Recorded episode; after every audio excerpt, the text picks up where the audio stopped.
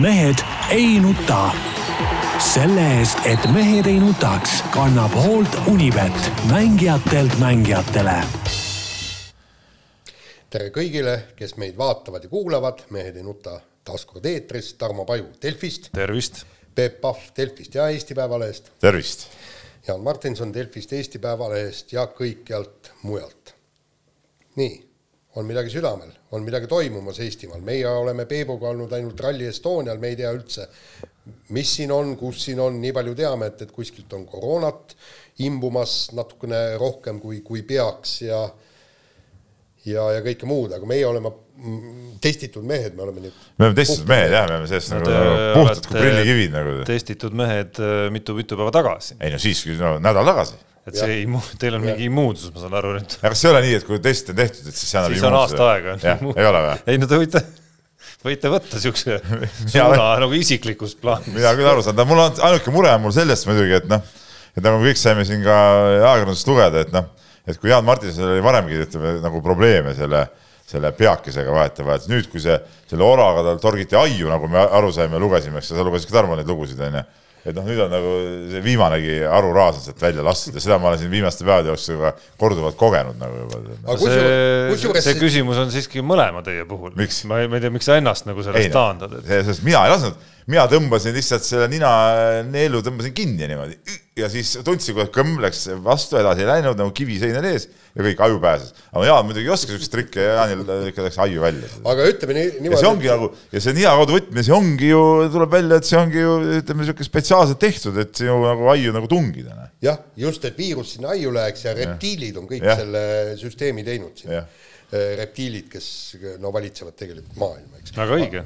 aga tegelikult on see testimine. see ongi põhjus, miks Tarmo ei julge minna proovi andma, ma arvan, tead noh aga ütleme niimoodi, et see testimine on ikka täitsa, täitsa hull värk, et ikkagi tõesti, igal mul tundus küll, et, et see ora, mis ninna torgati, et kukla tagant tuli välja hakkas vaikselt jah, siin nahk painduma siin kukla tagant, et ütleme niimoodi, et, et kui ma peaksin väljamaalt kuskilt tulema ja on valida, kas anda proov. või olla kaks nädalat kodus. kaks proovi, kaks proovi kusjuures. et sa annad tulles ja siis nädala pärast annad uue, on ju, kui just. tahad nädalaga piirduda. ei no mis viga kaks nädalat kodus rullida lihtsalt. no absoluutselt jah no.. ja, ja, ja teine asi on muidugi see, et, et et ju kirjutati, et nüüd nad hakkavad ju süljest ka seda proovi võtma ja kusjuures huvitaval kombel äh, nad ütlesid, et süljest proov on vähemalt esimestel päevadel on, äh, on palju parem, tähendab, ta näitab palju paremini seda viiruse olemasolu kui mitte, aga, aga mul on tunne, et need arstid tahavad inimesi torkida ja, ja. ei tea, minul oli igatahes ütleme, see maski vahelt vaatasid vastu väga ilusad tütarlapse silmad, et selles suhtes oli väga meeldiv oli, kogu protseduur selles suhtes oli väga meeldiv näha oli ilusad suured eh, pruunid silmad. ma vaatasin pärast, oli Putin käinud samas kohas pildistamas, kus ma käisin, sama neiu seal pildi peal ka. see ei olnud juhus kindlasti. no selge. nii. Teil on olnud meeleolukas nädal, ma saan aru.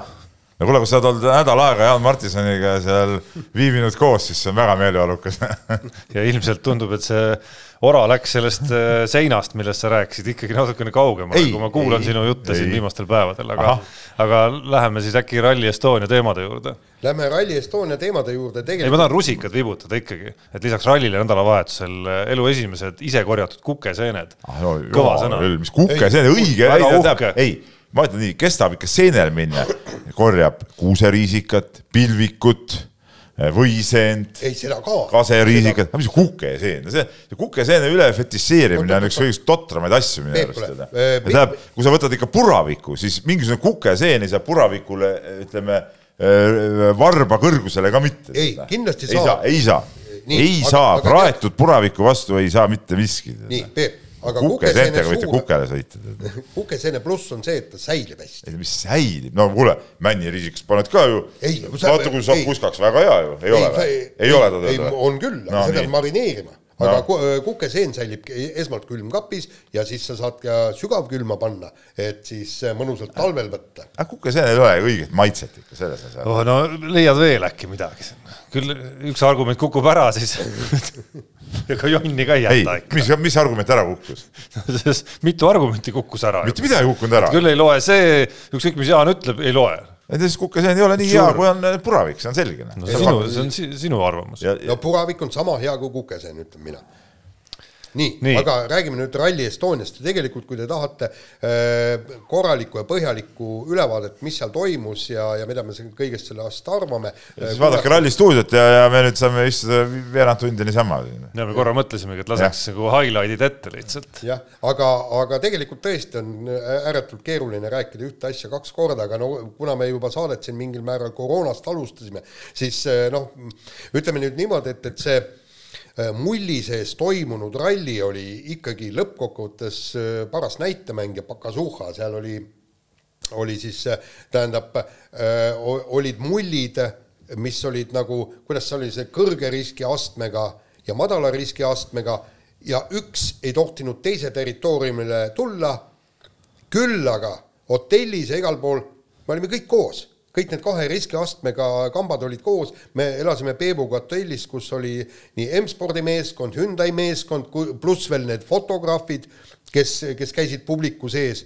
Ja seal nagu võis, mullid seal võisid seguneda, aga rallipargis ei tohtinud. Jaa, aga noh, see on niisugune, tundub mulle niisugune pisike detail, eriti kui räägitakse inimestest, kes nagu te isegi olid läbinud portsu testimisi ja olid justkui nagu tõenäoliselt terve. ei no samas hotellis elasid ka tavalised inimesed ju minu arust. seda ma ei tea, kas ei no sest ma aga... autoparklas nägin ju palju autosid, millel ei olnud ühtegi ralliga seotud kleepsu peal, et noh, selles suhtes minu arust jah. aga noh, selge, et mingeid äh, olulisi erisusi seal oli, alustades pealtvaatajate äh, piiramisest ja tsoonide tekitamisest ja nende kokkupuutumiste vältimistest kuni õhtuste alkomüügi keeldudeni ja selleni, et nad kuskil Tartu ööelus liiga palju ei sõbru. no mina käisin laupäeva, see oli laupäeva õhtul jah käisin äh, Ristis ja pubis söömas äh, õhtu kuskil peale kümmet natuke jõudsin sinna. noh, rahvast oli, aga ütleme väga mingit niisugust ööelu, niisugust möllu ma nagu ei näinud.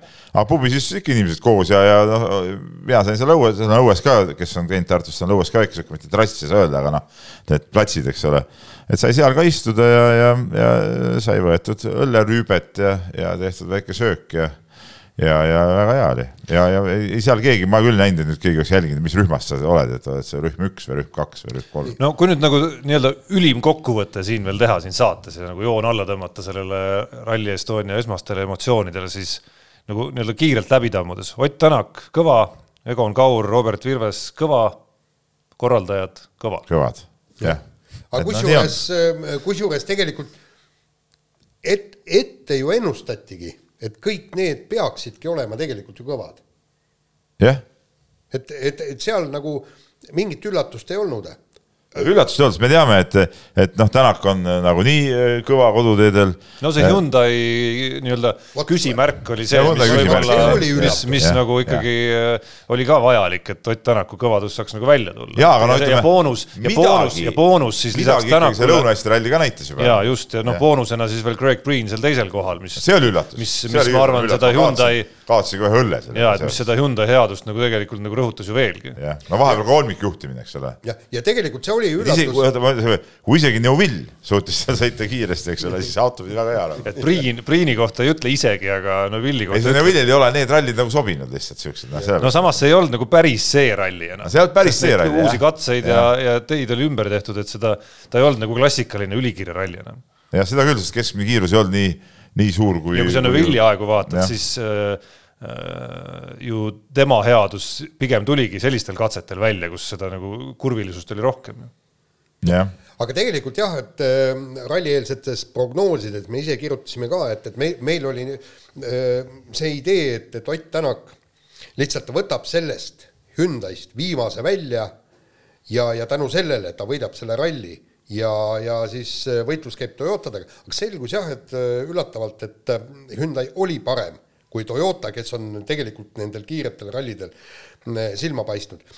ja, ja, ja ma kirjutasin ka sellest muide loo äh, eelnevalt. Ja, ja kus analüüsin seda, et, et tegelikult on Ott Tänak see, kes suudab need autod kiirel, äh, kiireks teha. Ja muide, Tööt Fiss ju äh, selles ralli järgses kommentaaris, nad märkisid ka selle ära, et, et tegelikult on just need autod kiired, kus Ott Tänak istub aga me oleme seda rääkinud ju juba aastaid. jaa, aga et ta Hyundai suutis nii kiiresti. ei, mis kiiresti, teate, Toyota pani samamoodi poole aastaga liikuma. no, samamoodi poole aastaga. praegu pole poolt aastat olnud lihtsalt. no rallide arvu arvestades. no rallide arv, aga ega tööd ju tehti edasi siin ja, ja praegu on väga, väga palju, väga palju tööd on tehtud siin, ütleme peale seda ütleme päris sügava koroonakriisi lõppu ja, ja, ja mis jääb nagu praegu selle ralli toimumise vahele. Nad on sõitnud mitu rallit, nad on teinud äh, testisõite nad on tegelenud nende asjadega ja, ja, ja, ja see on kõik kaasa aidanud. ja, ja kusjuures tegelikult oli ju äh, Sebastian Ogier ikka tõsises mures, kui ta pärast rallit ütles, et näete, äh, Hyundai on roninud meie mängumaale. et seal, kus meie olime tugevad, nüüd on tugev Hyundai ja, ja ta ütles, et meie ainukene võimalus üldse nüüd äh, äh, nii-öelda lahingut mitte kaotada, on Türgis olla Hyundai mängumaal ja ta ütles ka, et, et Toyota on paremaks läinud aeglastel rallidel ja, ja, ja tegelikult ta oli mures, sellepärast et sealt edasi ju tuleb eh, jällegi Sardiinia, kus, kus on jällegi eh, Hyundai kogu aeg hea olnud, et no mi-, mida sellest Tommy Mäkineni, eile vist tuli see välja, äh, tema avaldus, et äh, raputas endale tuhka pähe ja, ja ütles, et äh, käi-, käidi nagu valedele teedele panustamas siis teist see on käigus. see, see on see point, et ega keegi ei osanud nagu ette näha, et need uued lõigud muudavad selle ralli ikkagi nii palju aeglasemaks ja keerulisemaks, et noh, seda võeti ikkagi seda Äh, nagu tuntud, teada-tuntud äh, Lõuna-Eesti piirkonna teed, on ta Otepää ümbrus või, või Võru ümbrus, see väga vahet pole, eks ole, hästi kiired, äh, siuksed noh, ikka väga Soome sarnane, aga need uued lõigud olid ikka hoopis teistsugused, noh ja, ja need võtsid tempot alla, need olid hästi tehnilised ja, ja, ja see ilmselt nende auto ei olnud ikkagi nagu valmis nendeks just niisugusteks muutuvateks oludeks ka. Noh. ja, ja läksid väga kiiresti Euroopasse. aga, aga siit tekibki, mul kohe tekkis küsimus kogu see Toyota kamp on ju siinsamas Eestis.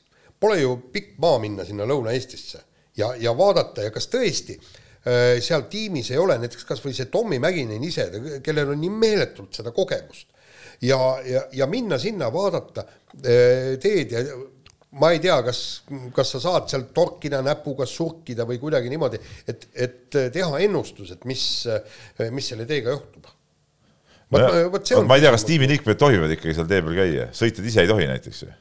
sõitjad ei tohi ja ma ei ole päris kindel, et tiimiliikmed ka tohivad nendel teedel seal teatud ajast äh, alates käia, aga mis on nagu huvitav rallisõitjate puhul, mis, mida, mis e-, eriti kõlab, ma nüüd hüppan natuke äh, sealt WRC pealt minema, ja me vist olime kõrvuti sinuga äh,, kui Ken Torniga rääkisime, et rallisõitjad on minu arust liiga tihti kinni omades mingites, äh, mingites asjades ja see puudutas näiteks seda, kui äh, kui Ken Torn ju sisuliselt nagu hävitas oma, oma hooaja sellega, et noh, juunior WRC-ga sõitis, no see on teada, et hästi euroopalised teed, teine ring, esimesel ringil juba rehvid purunesid, teisel ringil noh ka on tõenäoline, et rehvid purunevad ja ta ei võtnud kaasa kahte varuratast, võttis ühe ja läks katki kaks rehvi, oligi lõpp, lõpp, eks ole. no minule tundus täiesti loogiline et sa võtad kaks varuratast sinna kaasa, sest et okei okay,, jah, see kaaluvärk ja see kõik, sa võib-olla kaotad selle natuke seda aega, aga sul on vähemalt kindlus, et sa tuled lõpuni ja nüüd, nüüd. selles selle... klassis nagunii ajavahed on ju. ja on nagunii suured, eks ole. nii, aga nüüd, kui selle Kenni käest küsiti, siis ta, ta, ta nagu tegi siukest nagu, nagu poleks isegi nagu see poleks mingi teema nagu olnud. kuigi näiteks mingit WRC kahe meestega seal sai räägitud kogenud meestega, kes ütles küll, et, et ilmselt võtame kaks tükki kaasa ja, ja see tundus nagu igati loogiline. mida tagapool sa sõitsid, seda hullemad need teed olid, noh, see on selge. just, ja, ja kusjuures huvitav oli see, et, et äh, vaata selle jutuajamise lõpus äh, turgatas ikkagi Tornile pähe see, ta ütles, et nojah, et, et tegelikult oleks pidanud asja veidikene rohkem analüüsima, et kui juba suurtel meestel hakkasid rehvid lõh-, katki minema, eks. ja, ja, ja mis to toimus ka praktiliselt kõikidel WRC autodel läks, läksid rehvid, kas tulid siis velje pealt maha või midagi säärast juhtus ja näiteks Ott Tänak ja, ja Craig Priin võtsid viimasele päevale kaasa, kus sõideti ju kuus kiiruskatset, kaheksakümmend kilomeetrit, võtsid kaks rehvi kaasa yeah,, erinevalt yeah. teistest sellepärast, et nad ei tohtinud mingil juhul seda esimest-teist kohta no loomulikult, sest seal see, see, sa kaotad mõned sekundid, aga sa võidad selle, et sa oled nagu sõidus sees, eks ole, või sa võidad mõned sekundid, aga sa oled mängust väljas. ja, ja kusjuures no, sa, sa ütlesid vahe. veel väga pehmelt, et äh, Ken Torni hooaeg on äh, kaotatud, sa ei, ilmselt ei tahtnud välja öelda seda, et, et võib-olla kogu tema karjäär võib olla kaotatud sellega, jah? kogu karjäär on, tänu sellele või selle tõttu, et, et sa ei võta kahte rehvi kaasa. aga võtame nüüd selle teema ka üles, mida Tommy Mäkinen esile tõi. enne kui sa võtad, ma tean, mida sa tahad äh, ja. võtta. Äh, kuna see jutt äh, sobib siia jätkuna, et viisite nagu madalat, madalamate klasside ja Eesti meeste. ei, ma viin nagu selle, ma, sest ma viisin teema... nende dogmade juurde, mis nad nagu kinni ei üks teema minu arust, mis on huvitav veel, mida me eilses rallistuudios ei äh, lahanud tegelikult, aga mille sa täna oma kommentaaris tõid välja. et äh, kui me räägime Egon Kaurist ja Robert Virvesest, kes siis olid nii-öelda nagu teise ešeloni meestest, need kaks meest, kellele kellele saab öelda, et hästi panite ja kõvad mehed olite ja saite läbi ma ei ütle seda sõna üldse rallile peale ja, ja kasutasite selle võimaluse ära ja loodetavasti see avab teile uksi ka edaspidiseks, aga et miks just need kaks meest eh, suutsid seda kiirust näidata? Versus Rainer Ausid, eh, Kruudad, et need mehed, kes on nagu tõsiselt ikkagi äh, nagu seal tuli välja see nagu nii-öelda asjaarmastaja või nii-öelda nagu, nagu nende, nende meeste vahe, kes nagu tegelevad veel hardcore ikkagi edasi selle ralliga ja püüavad ja üritavad täpselt, ja kasvõi kuni füüsise eest hoolitsemiseni välja, on ju, et ega see nii pikk ralli äh, sellisel kujul on ikka midagi muud kui see Rally Estonia, mis on varasemalt toimunud. no, no mitte Rally Estonia, vaid ütleme Eesti rallid eriti, eks ole, et, et äh, loomulikult, no see ongi see, et kui kui Rainer Aus, noh, kelle, kellel on alati pöialt väga, väga äge vend ja, ja sõidab äh, vahvalt ja ja on siin teinud igast imetrikke ja, ja teinud häid tulemusi. kui ta ikka sõidab ühe ralli, sõidab eelmise Rally Estonial ja järgmise sõidab nüüd, no siis see ei ole ju nagu tõsiseltvõetav või, või Karl Kruda ka, noh, väga-väga kihvt sõitja ja olnud WRC kahes ju ikkagi täitsa maailma tipus, võitnud ju isegi rallisid selleks WRC kaks arvestuses. aga kui sa, millal sa Liinas viimati sõitis, eks ole, mingi pikk paus noh, see ei ole nii, et noh, see ei saa olla niimoodi, et sa teed, et sa mitte midagi vahepeal ei tee ja siis äh, oled ikka sama kiire, no see ei ole nagu loogiline. aga Egon Kaur kogu aeg päevast päeva tegeleb seal oma selle protoauto ehitusega, selle arendamisega, ta on nii palju näppu seal lõiganud, aga ikka, ikka joonakalt teinud edasi, edasi, edasi. on selle auto kiireks saanud, kogu aeg sõidab, noh, Robert Virves ka kogu aeg nagu tegeleb nende asjadega, noh, et siis on selge, et, et need, need mehed, kes kogu aeg on asja sees siis nende see tulemus ongi ju, ju loogiline ja kui sul potentsiaali ka on, eks ole, noh siis, siis, siis see tulebki see vahe välja, tead noh, jah. Mm.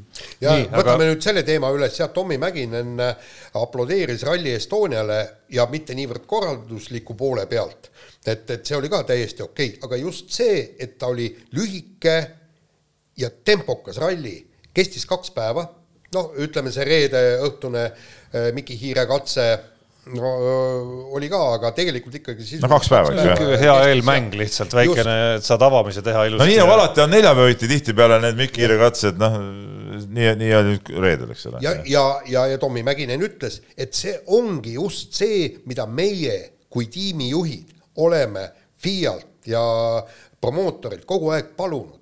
et eriti veel praeguses koroona olukorras, kui finantse napib, et sellega me võida, võidame palju raha ralli peakski olema äh, Mägineni meelest kahepäevane, võib-olla ta ütles ka, et reedel võib-olla kaks pikemat kiiruskatset võib ka sisse panna, aga me peaksime võitma ühe päeva. Ja, ja ta küsis väga õigesti, kas midagi juhtus, et meil oli äh, ralli natukene lühem ja kaks päeva kestis, et noh, teoorias võiks see rallit ainult põnevamaks teha no, just... no okei okay,, erinevad case'id muidugi on, aga teoorias peaks see nagu tihedamaks, vahed väiksemad hoidma ja nii edasi, nii edasi.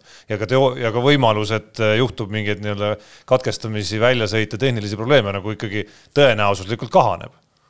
ja ei, seda küll ja. ei no seda, no seda. mida vähem on kilomeetreid ikkagi. jah, jah ja, ja, ja just on see, eks, et need ülesõidud lühemaks, kui on võimalik, et noh, seal on no Rally Estonia olid väga lühikesed ülesõidud no,, väga lühikesed ülesõidud no,. Eesti on nii väike, et üks, no selles suhtes, et väga keeruliseks ei saa pikad ülesõidud ei olnud äh, rallipargist äh, kiiruskatsetel, aga need vahepealsed sutsud olid ikkagi, ütleme, kui me oleme näinud seda MM-idel ikka väga pikki ülesõite, siis seal, äh, seal sellist asja ei olnud. ühe finiš, teise algus oli, olid suht lähestikud. Noh. jah, ja toome siia selle absurdse Korsika ralli, kui nad kui, kui nad sõidavad, sõidavad neljapäeval või, või sõidavad täiesti saare teise otsa, sada kaheksakümmend kilomeetrit, eks, seal on avamine, mida keegi ei vaata, siis reedel hakkavad sealt saare altotsast üles tulema, järgmine päev sõidavad üleval, siis panevad äh, saare veel teise otsa.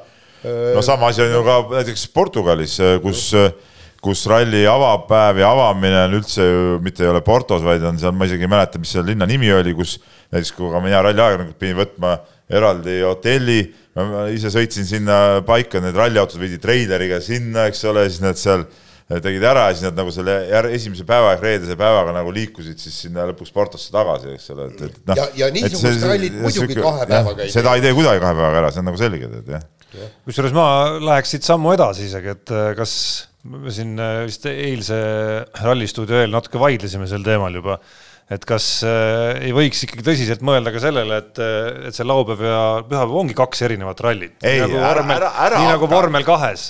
sest me näeme, ära, ära, ära nüüd, ära sega vahele. ralli on ralli. ralli on ralli, sina, ma tean. sina tahaks muidugi nii, et ei. ka jalgpall kestaks ka viisteist minutit ma ja, ja oled... saad äh, po, ühe poole eest saad ühe võidu, teise poole eest teise võidu. ära, ära hakka nüüd soperdama, tead, noh. jääme nüüd ikka asjade juurde. sellega ikkagi vältida olukorda, kus see viimane päev nagu Rally Estonial oli ikkagi nagu täiesti mõttetu mõttetu päev. see on nagu jama, see on jama. vaata, eh, kui on kahepäevane ralli ja kestab kakssada viiskümmend kilomeetrit, siis on täiesti okei okay,, et kõik see on üks ralli, aga samas ma olen ka sellega nõus, et kui meil on praegu kolmepäevane ralli, mis, mis kestab kolmsada kolmkümmend kilomeetrit ja, ja kui meil on viimasel eh, pühapäeval on tõesti nelikümmend, viiskümmend kilomeetrit, kus tõesti löntsitakse, mitte midagi ei toimu kuni punkti katseni, vot siis oleks mõeldav kaks esimest päeva oleks üks ralli, ehk siis ta oleks pikk. ta oleks korralikult pikk, kakssada kaheksakümmend, kakssada kuuskümmend kilomeetrit pikk, see on üks ralli ja vot siis viimane, kus äh, mängitakse välja näiteks pooled punktid või vähem punkte. parem variant oleks see, tühja see punktikatse, see ja. jätaks selle siis ära ja annaks need äh, nii-öelda boonuspunktid viimase päeva eest, aga, aga mitte nii, et, et on kaks erinevat rallit, mingi pikk ja lühikene, see on nagu see on nagu jura muidugi. kuule, aga muide, see on väga hea mõte. no minul on ka head mõtted, see on nagu see on nagu selge, vaata. et ühesõnaga kogu see ralli, aga, aga tähendab, ütleme punkt, nii-öelda punktikatse. punktid on viimase päeva eest. jah, viimased nagu Vi. viimane päev, jah. kaks stopperit tiksub, üks on üldstopper, teine on viimase päeva stopper, väga hea, kuule, FIA-le tuleb anda edasi sinu hea mõte, nii. Vahetame teemat, läheme jalgpalli juurde, ralli vahele, ralli vahele ja seene korjamise vahele õnnestus vaadata laupäeval päris pikalt ka Eesti ja Gruusia jalgpallikohtumist. Äh, ma ei olnud ilmselt ainus inimene Eestimaal, kes seda tegi, aga ma ei olnud ka ilmselt ainus, kelle jaoks see pilt oli ikkagi päris trööstitu, olgem ausad. no,. no ma võin öelda, et minu ja Jaani jalgpalli vaatamine piirdus sellega, et me nägime ära seal umbes kolmandal minutil Eesti üritas ise endale väravat lüüa. Äh, see, see ei õnnestunud neil isegi, see, isegi see ei õnnestunud, eks ole ja siis me viime minema vist intervjuude tsooni ja me rohkem ei, seda mängu ei näinud, pärast kuulsime, et üks-null lõppes. meil on väga päris raske sellest mängust midagi muud rääkida peale, peale selle olukorra. no mõned, mõned nagu nii-öelda markantsed faktid lihtsalt, et esiteks kogu see visuaalne pilt ikkagi, jah, olid, olid mingid perioodid mängus esimesel poolel kuskil seal kümmekond minutit ja, ja teisel poolel rohkem. me nägime ikkagi nagu sellist mängupilti, kus, kus Gruusia domineeris, et Gruusia oli tehniliselt võimekam, pall oli nende käes, nad suutsid tekitada ka nagu mingeid olukorralaadseid asju. Eesti terve mängu jooksul tegi siis väravale null pealelööki väravaraamide vahele, mis, mis on ka päris markantne ja, ja, ja kui me nagu mõtleme sellisele formaadile nagu mängude tipphetked näiteks, noh, mida me ikka, ma ei tea, eurospordis või kuskil võetakse kokku, on ju, näidatakse paremaid, lisaks väravatele paremaid väravavõimalusi.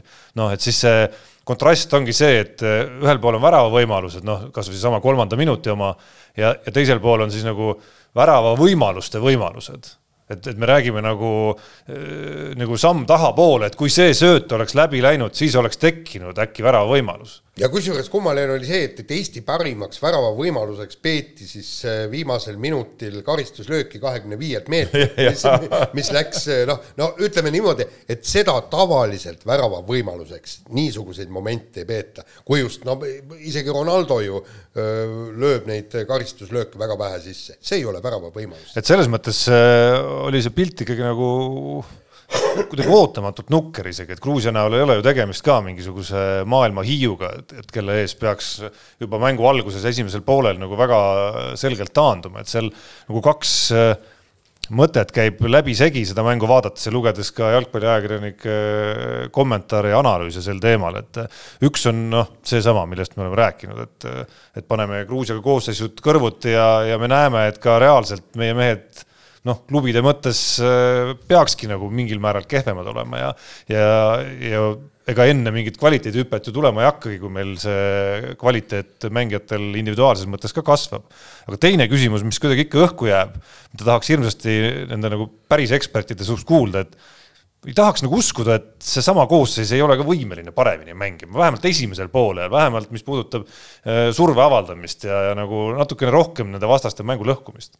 no kuule, kui peatreener kurdab. et miks me siis, vabandust, ma segan ja. poole lause pealt, et miks me siis, sellest räägiti palju seal ülekandes, et me justkui vajume nagunii ka kasti ära ja, ja liiga kokku ja et aga miks me siis vajume sinna, et see küsimus jäi nagu segaseks ka lõpuks äh, asjaosaliste kommentaaridest. ja, ja, ja teine asi, mis on, kui meie äh, peatreener kurdab, et me ei saa üle kahe-kolme söödu mängida, siis läheb see pall tont teab kuhu, kas kaotame selle või siis, või, või siis anname ära. no kuulge, see on ju ebaloogiline, jalgpalli ei mängita ju nii et sa teed kaks-kolm söötu ja siis kaotad palli ära.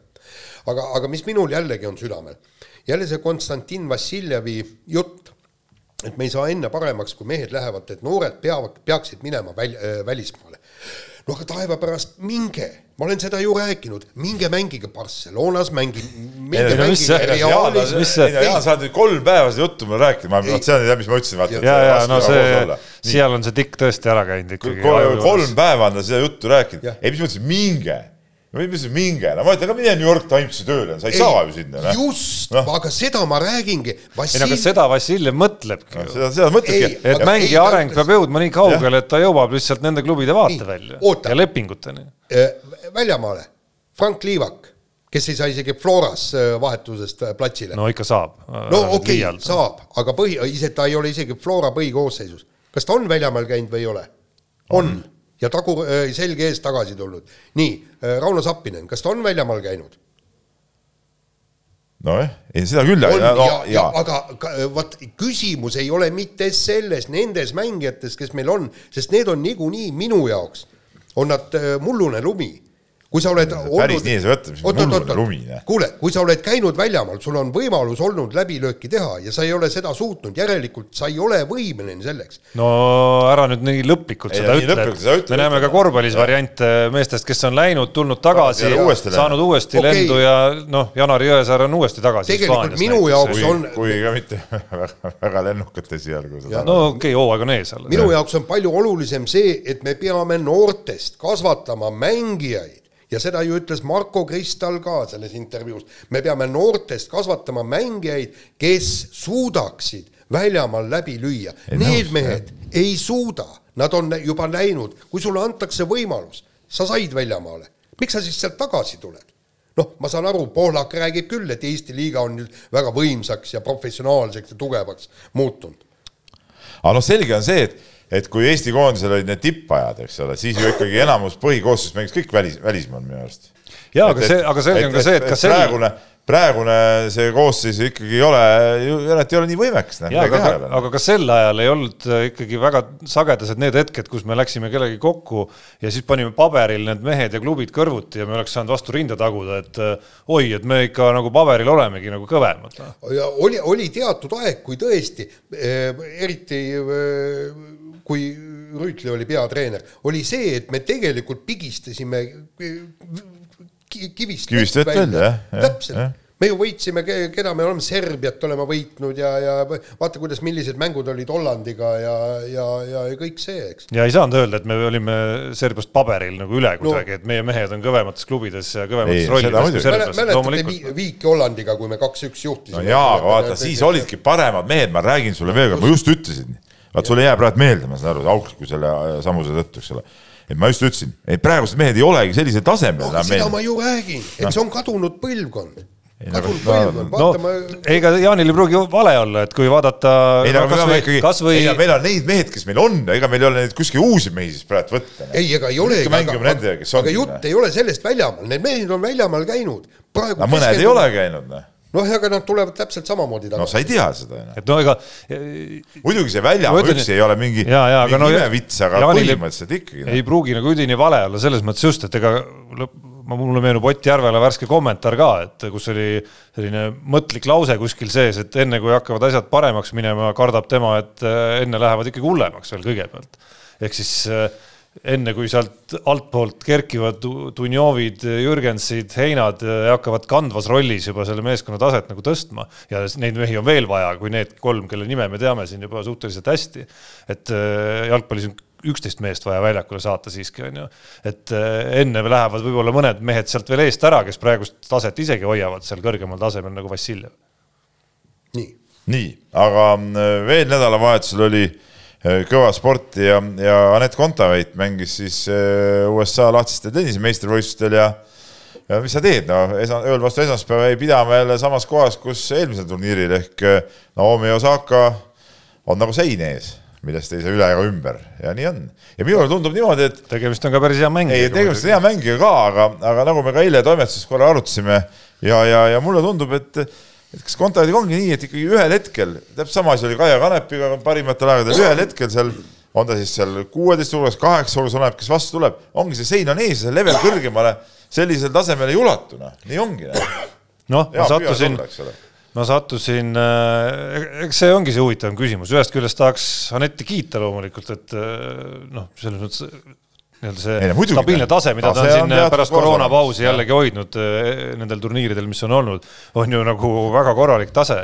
et äh, super ainult, pluss see, pluss juba selle eest, et ta on ikkagi nende mängijate seas, kes tahab mängida hirmsasti ja võistelda, et on ka need, kes on ikkagi tagasi tõmbunud pärast seda pausi.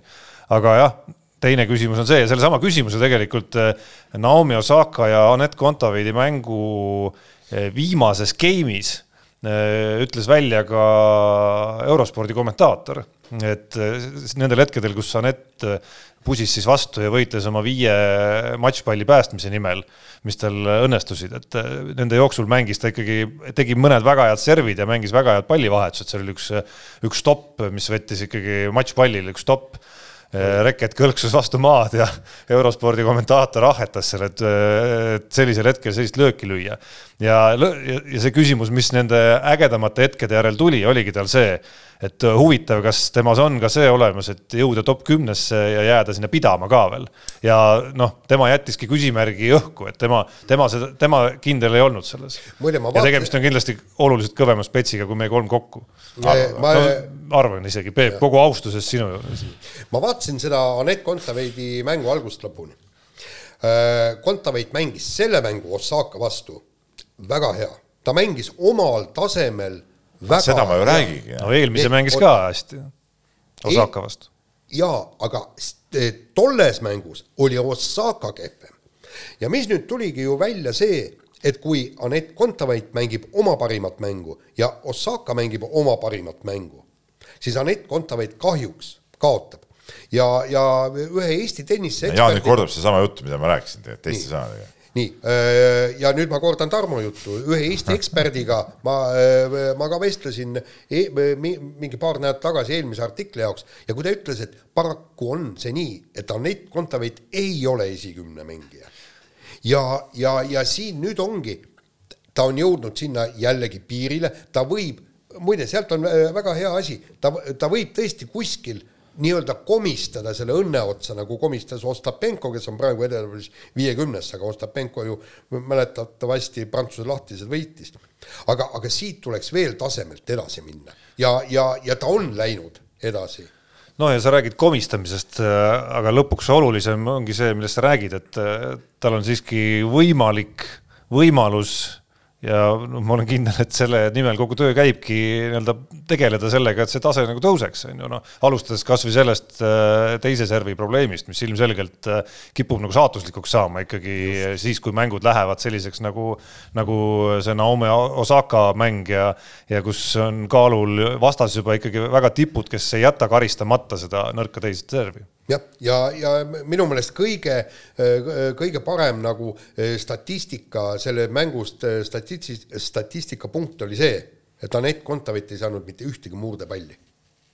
mis tähendab seda, et, et praktiliselt tal puudus võimalus Ossakat võita. nii, aga võtame kiirelt järgmise teema ja Nõmme Kalju koroonakolle on eh, kontrolli alt väljas, et Tarmo, on sul viimased andmed, palju seal on, mingi kuusteist inimest? viisteist vist oli. viisteist või? Üks, üks tuli kuskilt maalt veel juurde või, või. üks no, juurde, sai viisteist. no viisteist. viisteist oli tänases Tervise, Terviseameti pressiteates, aga noh, tundub, et ta on ikkagi nagu üldjoontes kontrolli all, et kõvasti möllu selle ümber oli. viieteistkümnega, ega meeskond palju suurem ei ole, et sealt nagu ütleme, sest kui kõik haigeks jäänud, siis ongi kontrolli all. jah, et nüüd istuvad ära ja, ja siis on, ongi jälle, selles mõttes on edasiseks jällegi nagu muret, muret ju kõvasti vähem ja, jälle.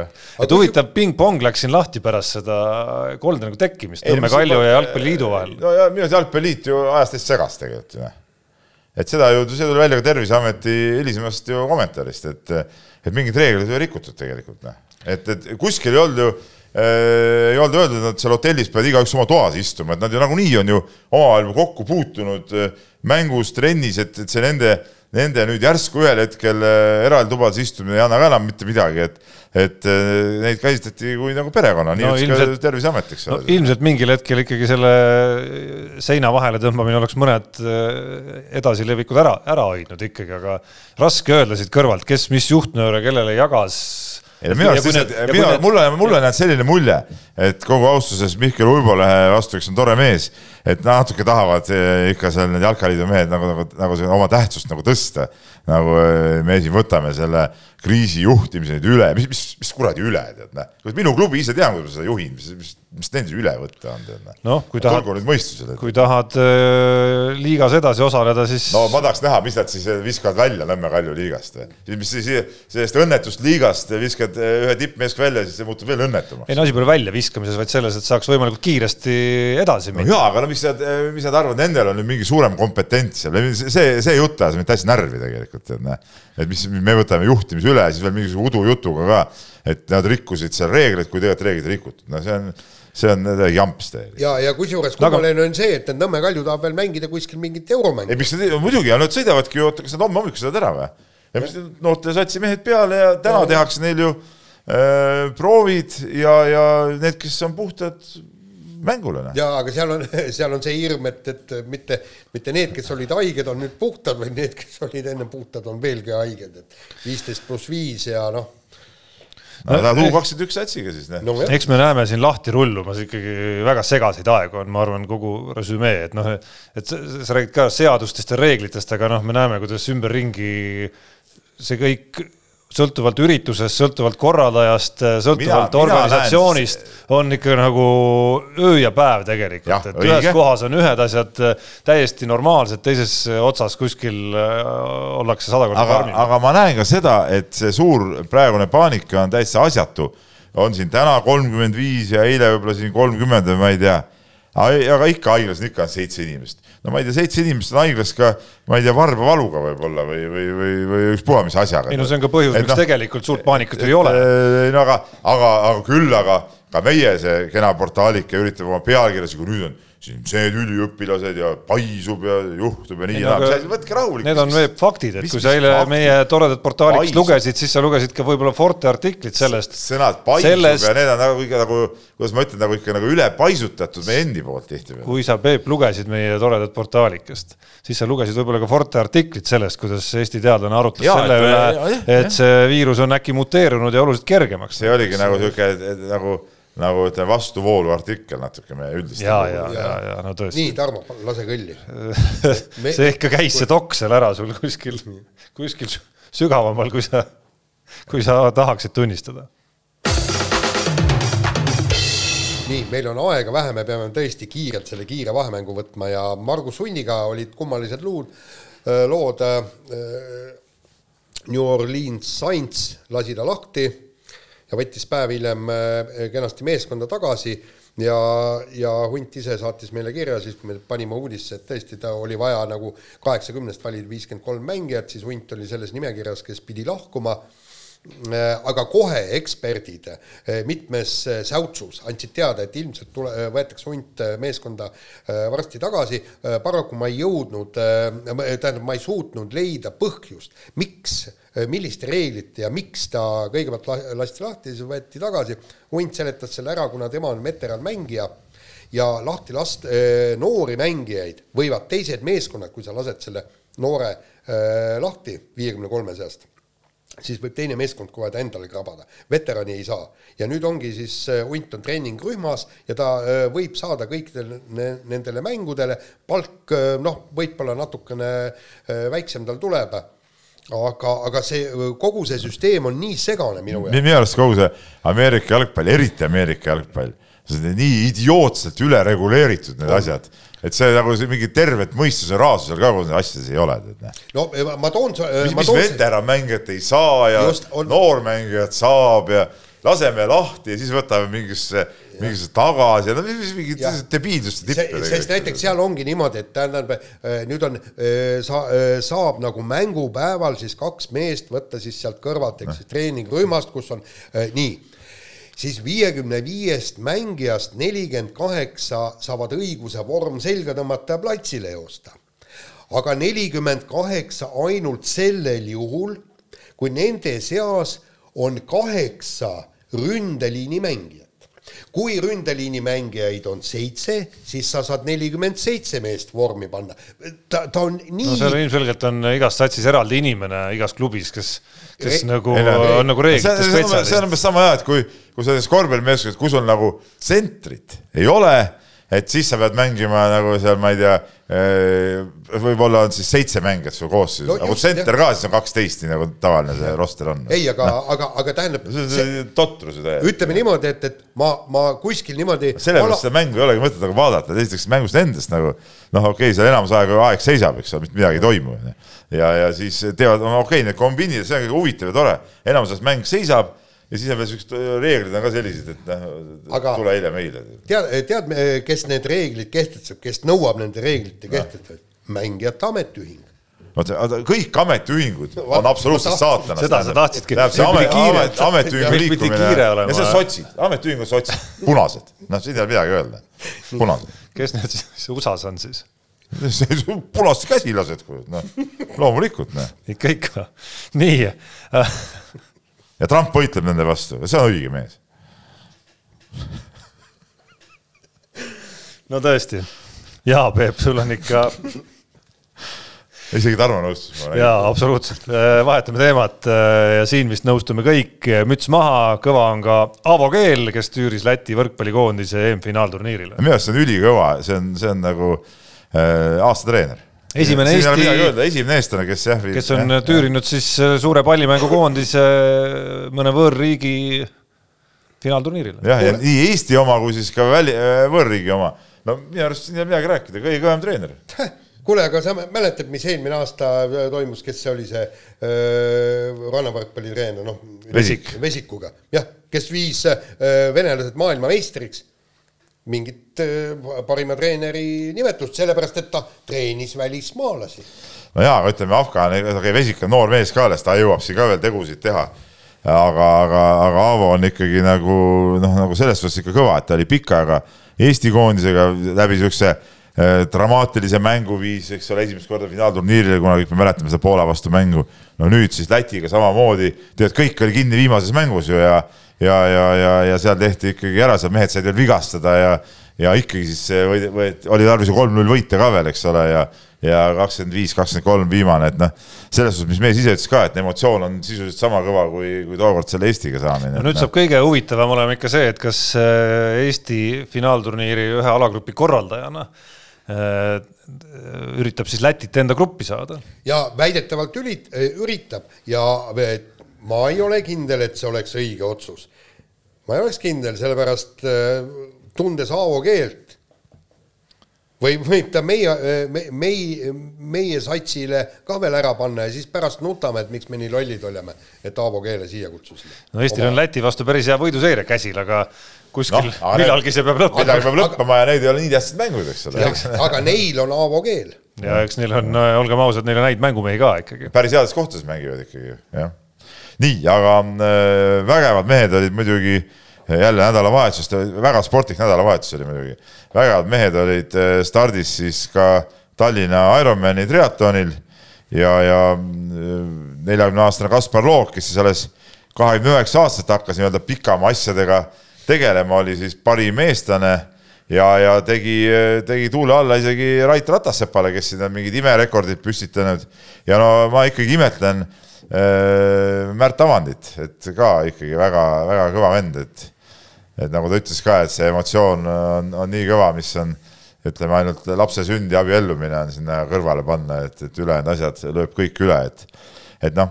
No visuaalselt, küll... visuaalselt seal stardikanga all juba ja. kadestamisväärses vormis äh, on üks noh, enam-vähem minuealine mees, ikka, ikka pöörane pöörane ja,. ja aga samas see, mis Ratassepa kohta öelda on, see on ju normaalne. ega vend alles pärast kolmandat-neljandat triatloni alles hakkab soojaks sa, saaks nagu öelda, pulss hakkab alles tööle nagu ütleme et noh, see, see ei ole, seal midagi imelikku ei ole. jah, et see, see on tüüpiline ju, ega, ega pikamaa jooks ei suuda ju sadat meetrit kiiresti joosta. see on ratassepp, aga ta ei suuda ühte eh, triatloni läbida. kakskümmend triatloni, vot see on õige asi. aga ma muidugi, ma siin pean ära mainima, muidugi tervitama eh, oma vana kamraadi Egonit, mul tegid vanad tuttavad, osalesid selles, vaat see on see teatetriatlon ka, eks ole. ja, ja siis üks kutt pani ratast ja, ja üks jooksis seal seda maratoni ja alla kolme tunni. seitsekümmend neli sünniaasta vend, pole paha, pole paha, Egon, kõva värk tead. nii, võtame järgmise teema ja maailma tennise esinumber Novak Djokovic langes äh, US Openilt äh, välja täiesti kummalisel moel äh, hakkas palli pallipoisile, väidetavalt pallipoisile lööma ja tabas hoopis kohtuniku vastu kõri ja automaatselt sai dis-. no, no see on, eh, ma ei lase seda üldse rääkida, see on, see on viimase aja kõige idiootsem jälle järjekordselt lugu, mis on, mis, mis disklahvi, mis, mis see, see, esiteks see joonekohtunik oli nagu mingi tola, kukkus seal pikali, tead, hea, et ära ei surnud, eks ole. siis lõpuks aeti püsti, siis läks niimoodi ära nagu jalaluud oleks pooleks, eks ole, seal eeli-eeli liikudes, noh. kuule, mis asja, nalja teete lõi kõksti selle palli sinna, ta ju ega midagi meelega ei löönud ega vihaga ei pannud seda sai läbi taskust pall välja, ikka nad löövad sinna taha selle, eks ole. Selle eest on, ma saan aru, tennisereeglid on, on, on konservatiivsed ja kõik, aga noh, kuule, no ikka natuke peab ikka terve mõistusega asju võtma. see oli kõige, see on aasta lollima spordi äh, ütleme, kohtuniku otsuse nomi-, nominent või selle äh, laureaat. huvitav on, huvitav on samas see, et ma nimme lugesin BBC spordiportaalist umbes kümne erineva nagu tenniseinimese arvamust. BBC vennad ei huvita üldse. Äh, kümnest kümme, kõik ütlevad, et reeglid on sellised, et mingit valikut ei jäänud. just ta,, Tarmo või see Peep. ei huvita mind see, mis mingi BBC, mingid Peep. Äh, inglased ja tehku mis tahavad. ja kõiki oli seal rahvuselt. aga mina olen näinud ka palju neid vastukajasid, kes ütlevad, et see oli täielik totrus. Peep, Peep, me saame Ainult... ma saan aru, et reeglid on sellised, ma ütlen, lollid reeglid. et sellesama reegliga on tennisiste varemgi maha võetud. jaa, aga ma räägin, see on loll reegel, ma räägin sellest, see on loll reegel. jaa, aga kus sa joone tõmbad, et no äh, joone tõmbad sealt, kas sa lööd vihaga seda või, või sa ei tee vihaga. no selles mõttes see oli, äh, ütleme, see ei olnud pallipoisile visatud pall, vaid oli frustratsiooni äh, nii-öelda löök ikkagi või vise või kuidas me iganes nimetame seda, et see mis frustratsiooni, see ei, ei, no ta oli närvis ilmselgelt sellel hetkel. seal ei olnud mingit vihaga tehtud löök. tal ei olnud ka vaja seda palli kuhugi visata tol hetkel. pall taskust pidi edasi jalutama. tol hetkel ei olnud vaja. ta sai servi game'i läbi ju ei no jaa, aga siis võta pall, vista käega. ah kuulge, ärge ajage niisugust segast juttu. ei no tähendab. et kus sa piiri tõmbad, et noh, sa, sa ei saa mõõta seda. kuule, miks ei saa siis, no kohtunik saab mõõta, vaatad videokorduses, näed ju inimest, kes sa paneb seda vihaga või, või paneb lihtsalt kõksti, pani lihtsalt kõksti selle, see oli selge tead no sellepärast see reegel, ma arvan, ongi see reegel ongi loll sellepärast see ongi selline, et ei peaks hakkama mõistatama, kas ta nüüd tegi vihaga või mitte. sina ei saagi niisugustest asjadest aru mitte kunagi. nii, aga me vahetame teemat äh, vormel üks jäi ka veel äh, paljude asjade varju siin vähemalt Eestimaal äh, nädalavahetusel Pierre Gasly, Carlos Sainz, Lance Stroll, selline esikolmik siis, siis, siis Itaalia GP-l. siis kui kõik muud asjad toimusid, jäi varju, siis oli selle hooaja ainuke sihuke huvitav sõit, eks ole ütleme niimoodi, et me kahjuks ei saanud ei seda saanud näha, äh, vaadata ja, ja kõik, et aga noh, noh, ütleme, kõige hullem on see, et, et juhtus ükskord ja ega vormelimaailm selle, sellest kummuli ei läinud. kõik räägivad, oi näed, kui tore kõik. mina mäletan, ükskord võitis ju selle Monaco GP, kas Oliver Bani või keegi. Oli, ja, ja. ja mingi oli vihmasadu seal kõik, ma ei tea, kuus tükki ainult lõpetas vist neid ja kõik sõitsid seina igale poole ja ta võitis, noh. et siukest asja ikka vahest juhtub ja see ongi tore, noh, see ongi nagu äge. Ovalainen on ühe etapi võitnud. Need ongi nagu ägedad asjad, aga terve esikolmik oli veel siuke punk, noh las ta olla. Selle... aga tegelikult ma ootaksin, et, et olekski, olekski läbi hooaja niimoodi, et seekord see esikolmik, järgmine kord äh, Hamilton. aga see ongi see vahe, miks näiteks MotoGP on kordades huvitavam kui vormel üks, kui seal kogu aeg nagu juhtub ja sõidu käigus asjad vahetuvad ja nii edasi. vot nüüd siin ükskord juhtus ja muidugi see võiks kogu aeg niimoodi olla. no ja. ma natuke äh, lugesin vormeli rubriike ka, kui me juba välisportaalidest läksime, et üks hea asi, mis sellel oli, et äh, tõsteti kuidagi jälle natukene nagu õhku see teema, et, et natuke seda kvalifikatsioonisüsteemi vormel ühes ikkagi ringi teha ja üritada vähemalt ja katsetada sellega. ehk siis äh, panna seal natukene neid kõvemaid mehi tahapoole alustama, et siis, no siis me nägime, mis, kui põnevaks siis üks võistlus saab. Mercedes on sellele siis vastu olnud seni rajult, aga nüüd on siis lootus elab et äkki selle hooaja lõpus ühel hetkel, kui Mercedesel võiks ka nagu ükskõik juba olla, et see ülekaal on punktitabelis juba nii ülekaalukas, et siis vähemalt äkki õnnestub nad ära veenda mõne nagu, mõnel sõidul, selle formaadi testimise mõttes vähemalt. nii, mina ütlen, et see on ka täielik jama. mis sa siis kunstlikult siis muudad mingid vendade elu raskemaks, sellepärast sa oled nii hea, pead hakkama ukse tagant tulema, see on lollus ju. Noh. no miks mitte? rallis on ju nii, rallis on ju nii sa oled MM-sarja liider, kruusarallil esimene. no aga Aston oled esimene, saad eelise ju no jaa, see on balansis, see on balansis, vaata. kus tas on? ta on, kruusarallisid on ülekaalukalt no, rohkem kui asfaldirallis. kruus on märg, jälle edu, jälle eelis. ei tea kunagi seda, seal jäävad rallisid ja kunagi peaaegu seda, et kas see on eelis või ei ole. aga vormis, kui sa oled kuskil tagant, ma ei tea, et oled kõige kiirem kvalifikatsioonis, ausalt viimaselt kohalt või? Mis no. lollus või? ei, see formaat päris selline ka nüüd ei ole. no jaa, aga noh, põhimõte on ju sama. aga nüüd, et äh, mitte päris umbe minna, hästi kiirelt lihtsalt ei saanud mainimata jätta, kuuldes, et Johannes Vetter viskas oda üheksakümmend seitse, seitsekümmend kuus. ei, mis see kuuldes, ma olen näinud ka seda video. siis, äh, ei no esimesena tuli see pealkiri lihtsalt ja see uudis on ju, et et see on mingi asi, mis äh, kergejõustiku fännina paneb ikka küll pahviks kohe natuke. ei noh, see on äh, muidugi seal oli uudistes igal pool vale, et see on äh, läbi kõigi aegade pikkuselt teine odakaar, see muidugi on vale, eks, sest vana odakaar on veel kaugemale visatud, et see, seda ta muidugi ei olnud. aga ei no okei okay,, praeguse odaga jah, ja võimas ise muidugi, väga võimas, et, et, et, et vot nüüd see on nagu ehe näide jälle sellest, et on siin mingi koroonaaeg või siin mõned Eesti sportlased siin põhjendavad, et noh, mis mul ei ole siin mõtet eriti siin ennast vormi ajadagi ja ja, ja, ja mis, mis mõttega ma siin tulemusi teen. mis mõttega, mis mõttega Hannes Vetter siis tulemusi tegi? no just no. nii, aga, aga siit on kiirelt veel äh, kaks pointi, üks point on see, et äh, mitmed eksperdid, äh, ka soomlased, Sepp Radju minu meelest või keegi, keegi seal ütles, et oleks tingimused paremad olnud, oleks sada meetrit ära tulnud. järgmine küsimus, kui sealt tuleb järgmine sada neli meetrit nagu uue hoon äh, viskas, muudeti oda. kas me hakkame ka seda oda äh, muutma, paneme sada grammi juurde odale või? sest raskuskeset enam vist muuta ei saa. no vot, nii et Vetter, äh, ole nüüd tagasihoidlik.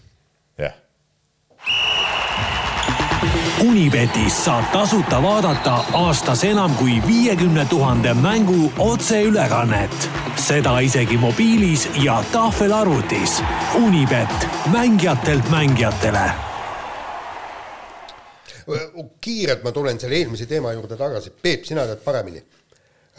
seesama saja meetri alla vise Audentese staadionil, sest me teame, kaheksakümmend pluss meeter on juba jooksuvaja sisse, läheb see oda kas see äh, Audente siis lendabki see äh, üle jooksuvaja ja staadionilt välja loomulikult, no kui Audente staadion, ta ei ole täismõõtmetega staadion ju.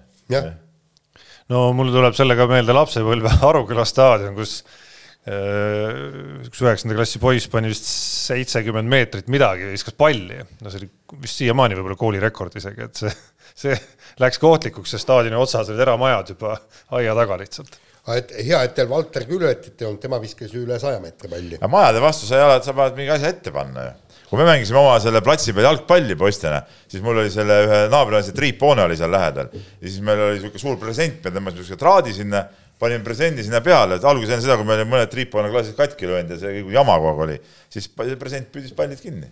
nii, aga Unibeti jõuproovist äh, kiirelt käime selle läbi, Peep äh, hoidis ja, oma liidri kohta. mõnulesin, ütleme eelmise nädala selle suure võidu, ütleme, maitsesin neid vilju. lubasin endale head ja paremat selle raha eest ja nii edasi. ja, ja, ja meie mina... Jaaniga siis mõlemad äh, panime natukene Ott Tänaku peale raha. Natuke mõlemal... panime, natuke võitsime. jah, natukene kahetsesin juba mingi teise kiiruskatse ajal umbes või kolmanda ajal, et, et nii vähe panin, et, et....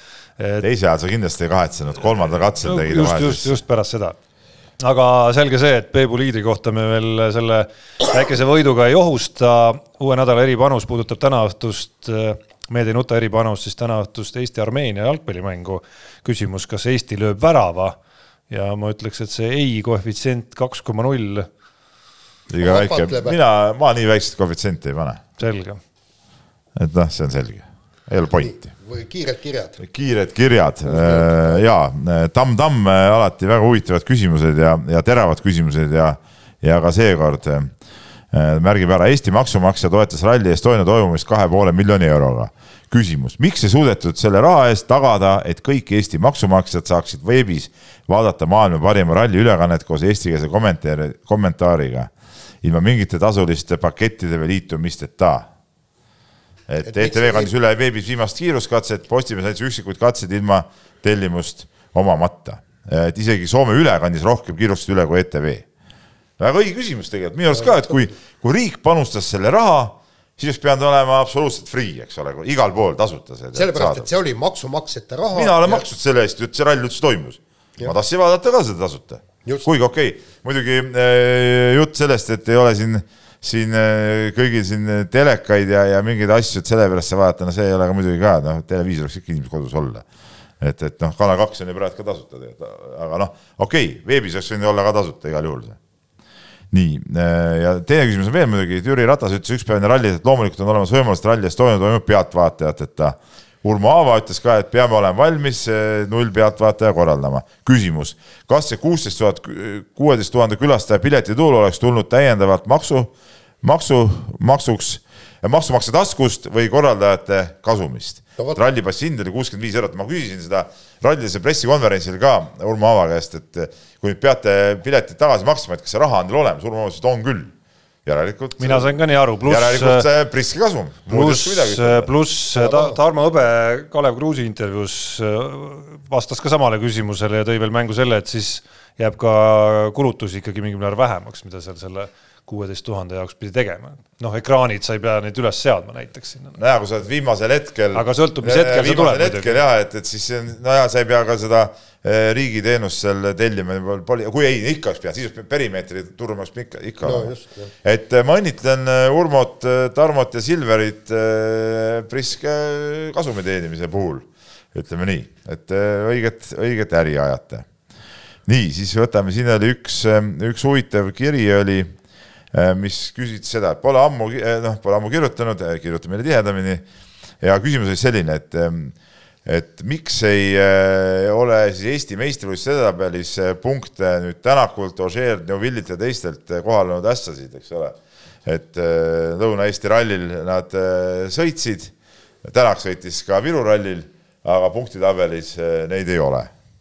et noh, mina tean, miks ei ole, sest et minu teada on niimoodi, et et WRC-ga sõitvad äh, tehase tiimide piloodid ei tohi äh, riikide meistrivõistluste punkti arvestuses, arvestusse minna lihtsalt. ja, ja see, ja see on igal pool, näiteks Alba ralli, kus ma käisin, oli kaks täiesti eri arvestust, üks, üks oli Itaalia tšempionaat ja teine oli siis nii-öelda WRC autode ähm, arvestus.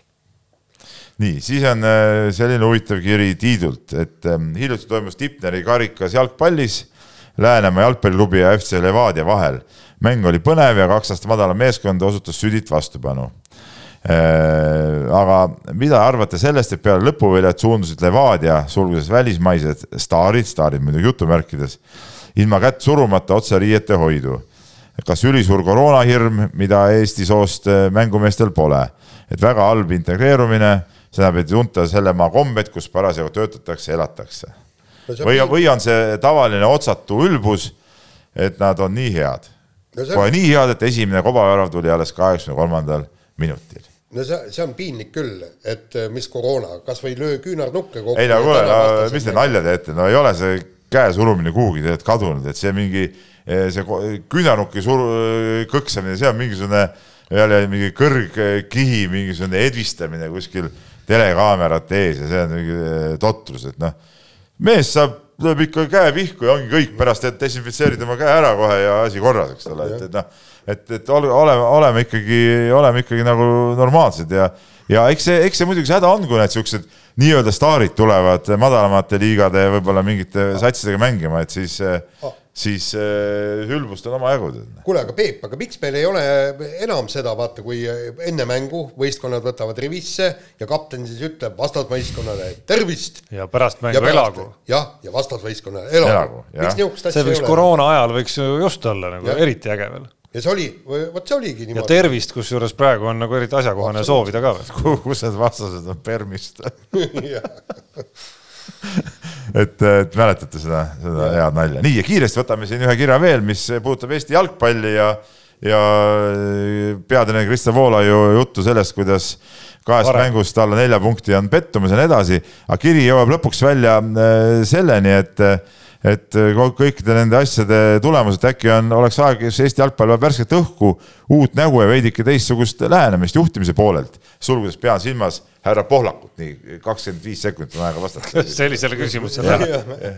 kas Jaan tuleb mingi teooriaga välja? ei, mis mina, mina ei tule mingi teooriaga välja, minu meelest ei ole seda Eesti jalgpalli juba aastaid juhitud õiges suunas, tähendab no nagu seal meil oli üks kiri ka, et, et me paneme betooni seda, aga mitte inimestesse meie jalgpall ei arene millegipärast, meil ei tule häid noori peale, kui siis välismaalt, punkt.